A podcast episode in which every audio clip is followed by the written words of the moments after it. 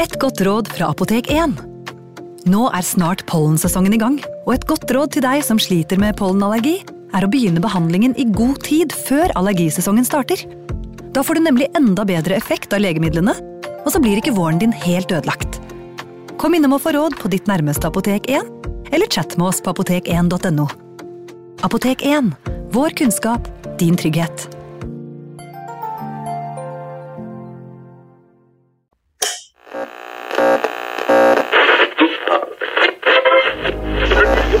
Vi skal gjenta særmeldingen i dag. Nummer én Kjerringa er galen. Nummer to På ski over lyng og kvast. Nummer tre Baklengs inn i aftensangen. Baklengs inn i aftensangen.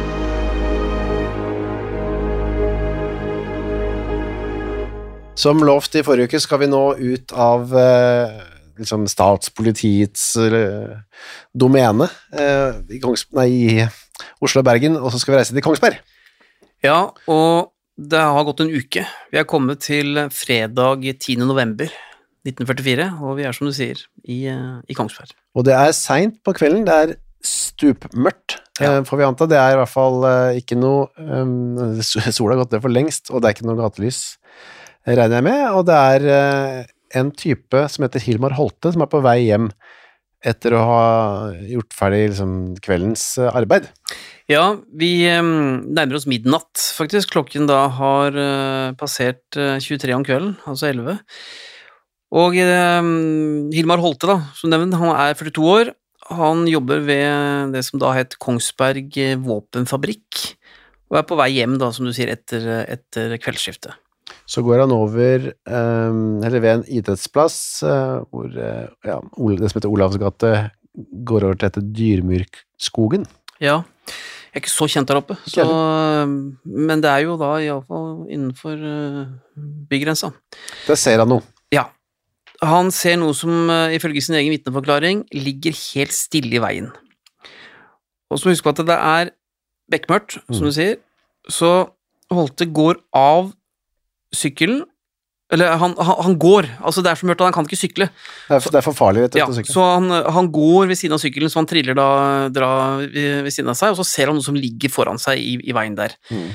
Han stopper opp, og så tenner han en fyrstikk for å da kunne se bedre hva er det som ligger der. For det er, eh, det er, det er ikke så lett å, å se hva det er, annet enn at det er en gjenstand eller en ting. Et eller annet. Eller et uh, menneske. Det er det det er. For idet han får, får fyr på den fyrstikken, så ser han jo at det er da en mannsperson som ligger eh, i veien, og Jeg tror først ikke at han er død.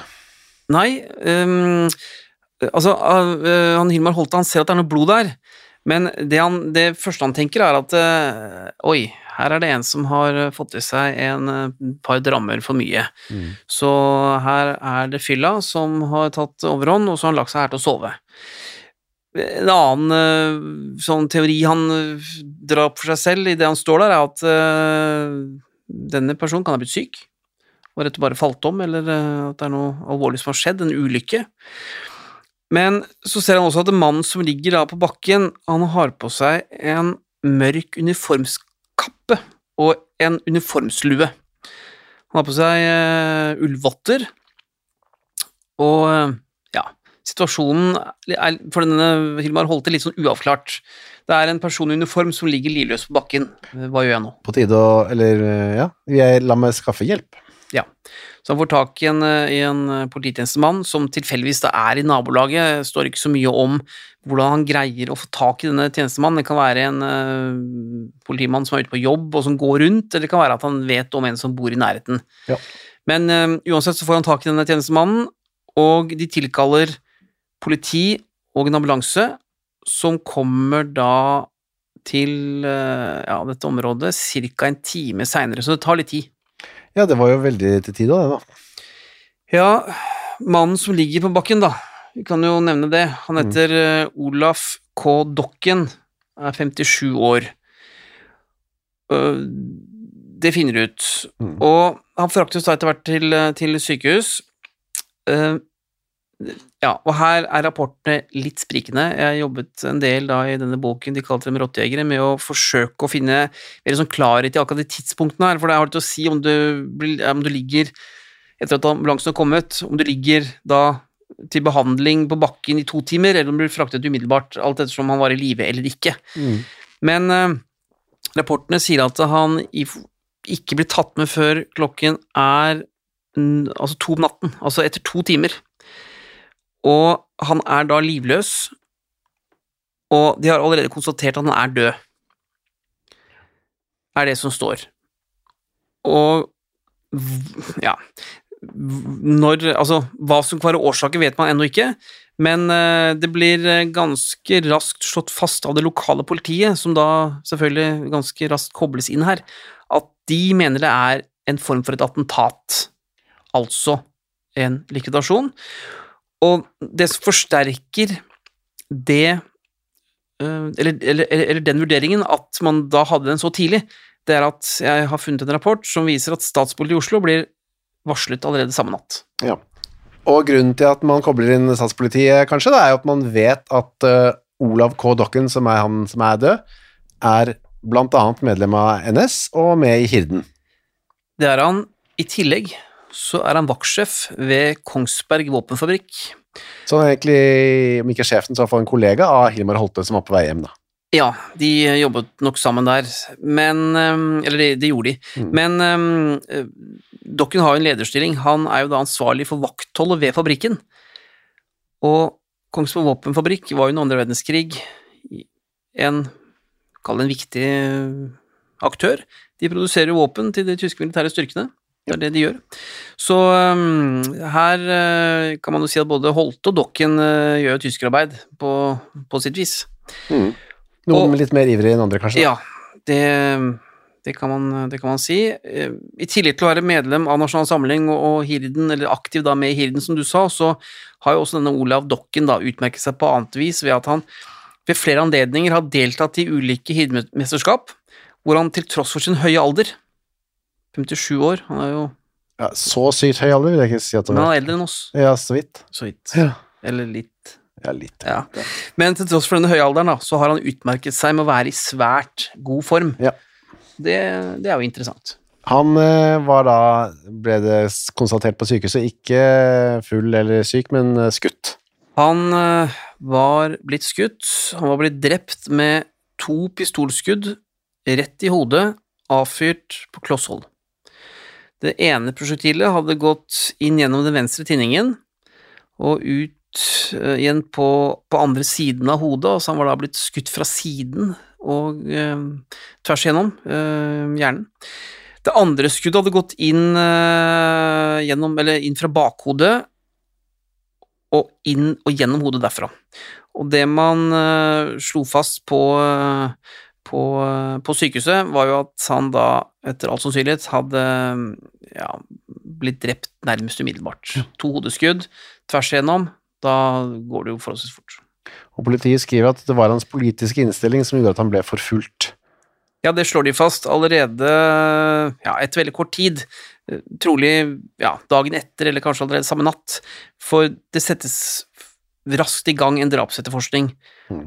og mener jo da at, eh, ja, som du sier, likvideringen har sammenheng med at Dokken er medlem av Nasjonal Samling. Han hadde vært på vei til jobb, ikke fra jobb, men til jobb. Ja, eh, Dokken skulle gå på vakt klokken ti, altså klokken 22, og var da på vei til, eh, til jobben.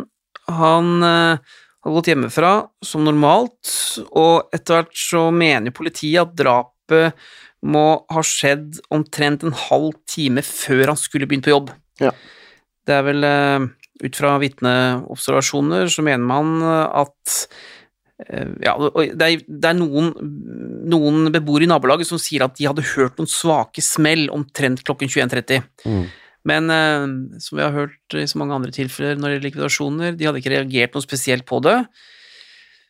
Det hadde i og for seg en naturlig forklaring. Eh, Likvideringen den hadde skjedd i nærheten av en tysk militær leir, og der eh, det var ikke uvanlig at man hørte skudd derfra. Det kunne være øvelsesskyting eller eh, ja, andre naturlig forklaring på det. Mm. Så det, det var ikke uvanlig. Og heller ikke noen tyskere som var i leiren hadde reagert på noe spesielt denne kvelden her.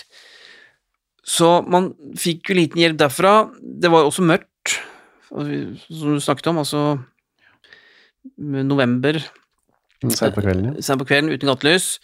Så det kan nok også ha vært noen forklaringer på at uh, dokken hadde blitt liggende i ja, omtrent en halvannen time før eh, han da ble funnet av, eh, av sin eh, arbeidskollega, og ja Kongsberg er jo Det var iallfall ikke en livlig by under andre verdenskrig. På natta, nei. På natta eller på kvelden, så man var nok ikke så mange som var ute og gikk Nei.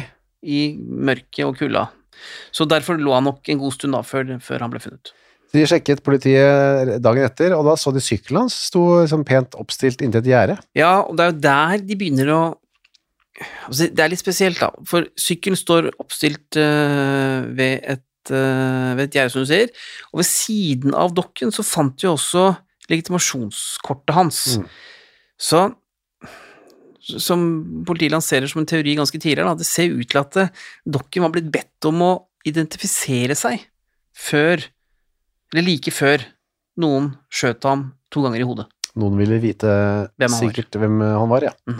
Men hvem var Olav K. Dokken? Han var jo da en ganske spesiell, hadde i hvert fall en spesiell historie. Ja, Olav K. Dokken er um, eh, utmerker seg ved å, ved å ha da denne litt spesielle bakgrunnen som du nevner. Han eh, kom egentlig fra nabokommunen til Kongsberg, altså Flesberg, men eh, som ung mann så hadde han utvandret eh, til eh, USA.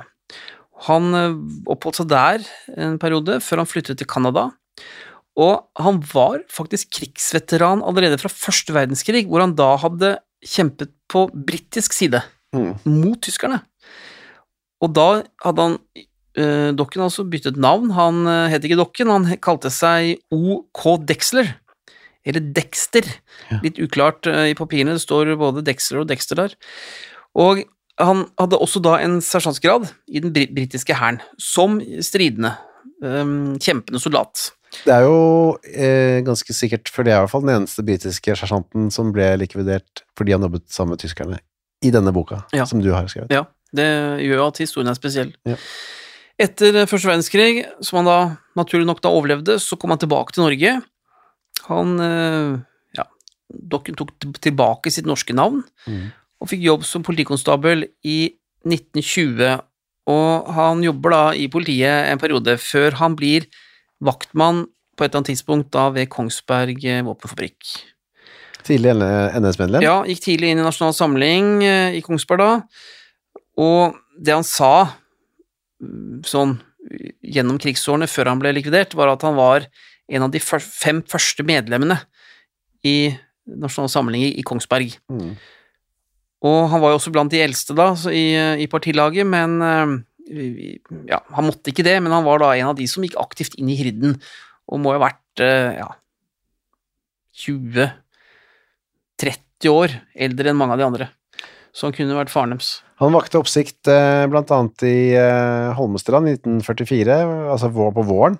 Ja, jeg fant noen avisartikler da, som er skrevet. Mm. Det var en krigskorrespondent, Osvald Olsen, som hadde besøkt av treningsleiren øhm, nede i Holmestrand for å se hvordan hirden trente da på, på å, å, å gå, ut i kamp. Det var da eh, våren 1944. Og eh, Olsen eh, skrev jo da følgende da i, i, øh, i sitt referat fra besøket at mellom de staute hirtfolkene har jeg straks lagt merke til en eldre kar som ser ut til å ha mer militærkunnskaper enn de fleste men i hans korte spørsmål eller svar er det en helt påfallende språklig merkverdighet. Han taler med utpreget engelsk aksent. Er det så underlig, da, sier sveitfører Falk til meg. Det er jo en engelsk sersjant. Ja, det vakte, han skilte seg nok litt, litt ut for å være det, Ja, tro, i for dette intervjuet han ga der, det ble jo trykket inn i flere norske aviser eh, gjennom da denne våren 1944. Dette intervjuet da med Dokken. Og der fortalte han da om, om tiden i britisk tjeneste og, og kampene han hadde deltatt i da i, i, mot slutten av første verdenskrig. Han hadde da vært i Frankrike og slåss faktisk da mot tyske styrker. Så dette, dette forteller han om. Det var ikke noe problem det for han nå, da. Nei, for han var jo i, kommet over i tysk tjeneste nå, Ja. og mm, hadde jo da i og for seg valgt riktig slik man så det. Eh, Han presiserte jo også i dette intervjuet, da, Dokken altså, at han ikke lenger støttet det britiske regimet, som han mente da skapte store sosiale ulikheter, og det hadde han selv opplevd under sin tid i, eh, i tjeneste, så slik sett så var han noe nyttig for propagandaen. Mhm.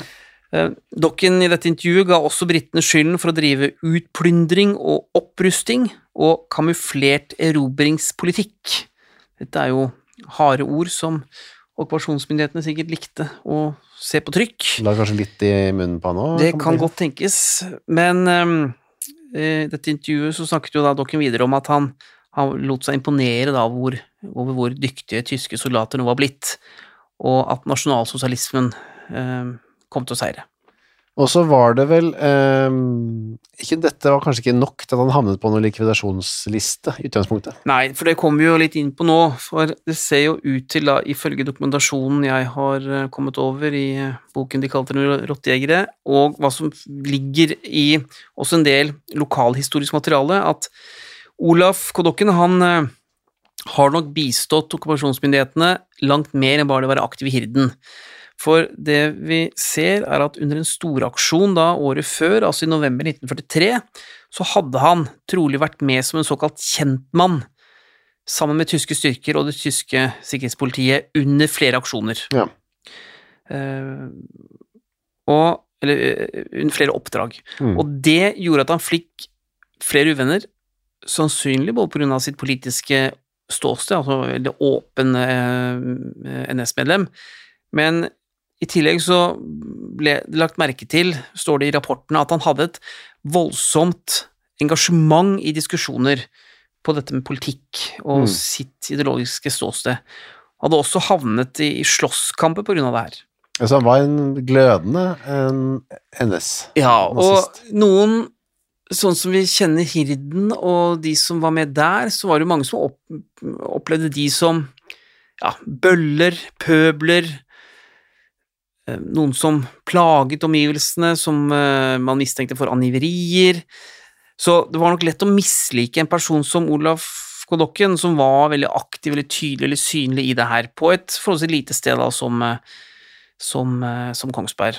Og så var det dette her med at han også da i tillegg som vaktmann da ved, ved Kongsberg våpenfabrikk ble kjent for å ta denne jobben veldig på, på alvor. Og da han fikk den jobben som vaktsjef, så står det i rapporten at han, at han sa, eller, eller kom med, et, eh, med, med et, eh, et, et utsagn som i og for seg har blitt stående eh, i, eh, i eh, rapporten etter han. Da, da han fikk den jobben, så sa han vi overtar vaktholdet etter våre tyske kamerater. Vi skal beskytte fabrikken like godt som dem. Her skal ingen sabotørsvin komme inn, om han så er Gud eller faen sjøl. Men det løftet holdt han ikke helt, da.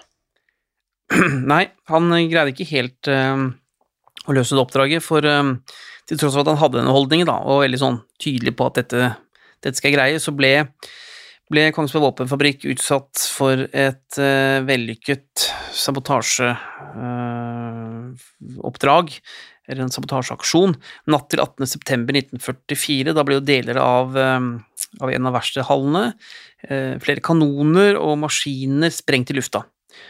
Og det var en aksjon som er ganske kjent, ledet av Gunnar Kjakan Sønsteby. Mm. Og eh, Men hvem var det som drepte Olav K. Dokken? ja, man greide jo aldri fra politiets side da å oppklare eh, hvem som tok livet av ham. Og det tok mange år før eh, det ble kjent. Og i årene etterpå da, så var det mange som hevdet at det var en kommunistisk og uavhengig gruppering som hadde bestemt seg da, for å ta, ta livet av, av Dokken. Og grunnen til det var at de eh, fryktet at Dokken ville ja, være såpass aktiv i, eh, i sitt eh, både partiarbeid og innsats innenfor Hirden, at han kom til å gi opplysninger om motstandsgrupper, og særlig det kommunistiske miljøet, da, både i Kongsberg og, i, og også nede i Drammensområdet. Og eh, denne likvidasjonen også spesiell, fordi den ble aldri godkjent av Milorgs eh, sentrale ledelse, så den har blitt stående som en eh, gjennom mange år som en, ja, kall det ubesvart, uløst likvidasjonsoppdrag. Ja, men du har funnet ut at hvem som gjorde det, du? Ja, det som kom frem etter hvert, var at det var to personer da, som, som, som utførte denne aksjonen. De tilhørte en motstandsgruppe, uh, naturlig nok. Den ene het eh, Willy Cato Paulsen, og den andre het Lars Fossesholm. Og de var begge 26 år gamle og kom fra Vestfossen. Og de hadde kommet da til Dokkens eh, nabolag eh, i en drosjebil, og, altså var blitt kjørt dit av en, av en sjåfør. Og så hadde de bedt eh, sjåføren om å parkere et stykke unna, og han skulle stå der til de kom tilbake igjen, så dette var altså planlagt. Mm. Og så hadde de ja, gått til et, et sted ved, ved, veien der hvor de visste at um, Olav eh, Kodokken kom til å, å, å ko- eh, passere når han skulle på jobben. Og så hadde de trolig bedt ham identifisere seg, spurt hvem han var. Han hadde da tatt frem legitimasjonskortet, eller de hadde tatt det frem, eller ransaket ham, eller hva det måtte være. Og så hadde de skutt han, løpt tilbake til eh, drosjebilen, men det som skjedde da, var at eh, drosjesjåføren ikke hadde fått start på bilen. Så både Paulsen og Fossesholm da måtte, måtte i stedet eh, komme seg ut av bilen og hadde løpt av gårde fra, fra stedet. Og så er det litt forskjellige versjoner av denne likvidasjonen. Jeg har funnet den omtalt i noe litteratur eh, utført av lokalhistorikere i Kongsberg-området. Noen mener jo også at eh, Paulsen og Fossesholm hadde dratt hjem til Dokken, Mm. eh, eh, altså samme kveld, like før han skulle på jobben. Og da hadde de bedt ham om å bli med dem utenfor, for de skulle snakke med ham eller, eh, eller, eh, eller noe sånt. Og så hadde de gått med ham ned til veien, et stykke unna huset hans. Og der hadde de da bedt om dette legitimasjonskortet, for å være sikre på at Dokken da var riktig person.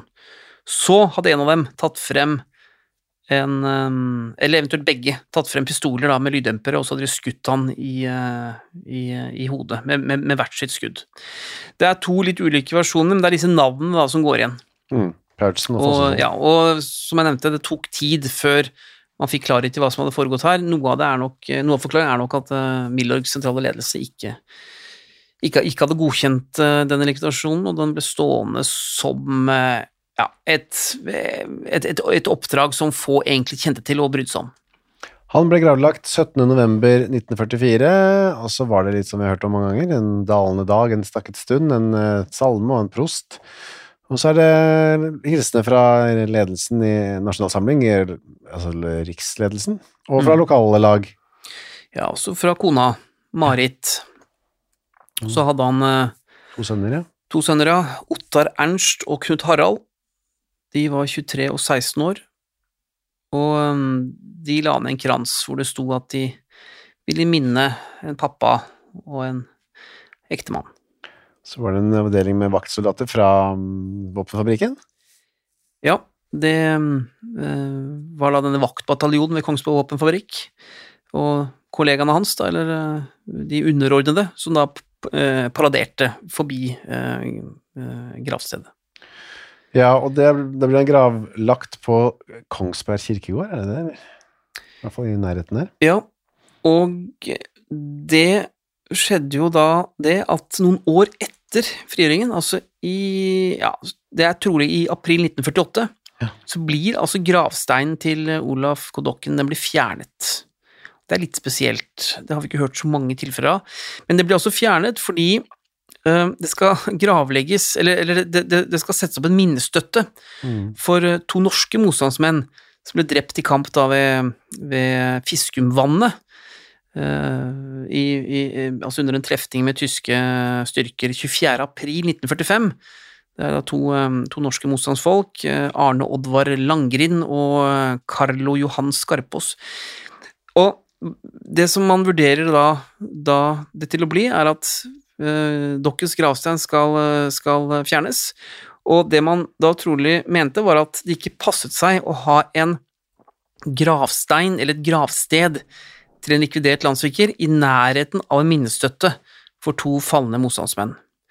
Da, da snakker vi altså 1948, og de kunne altså ikke ligge i eller på samme gravplass. I hvert fall ikke kunne ikke steinene stå der. Iallfall kunne ikke steinene stå der. Det var historien om Olav K. Dokkens eh, skjebne. litt utypisk som vi var inne på. Enda mer utypisk blir det neste uke når vi reiser til Trøndelag, Eirik, og hovedpersonen heter Borghild. Ja, en ung kvinne som også ble drept av den norske motstandsbevegelsen.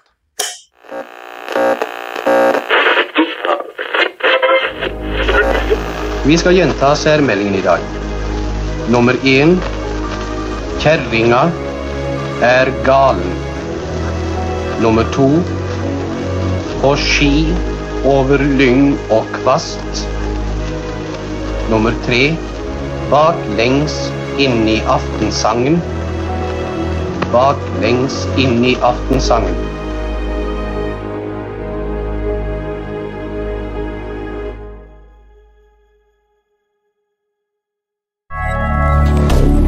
Moderne media. Har du et enkeltpersonforetak eller en liten bedrift? Da er du sikkert lei av å høre meg snakke om hvor enkelt det er med kvitteringer og bilag i fiken, så vi eh, gir oss her, vi. Fordi vi liker enkelt. Fiken superenkelt regnskap.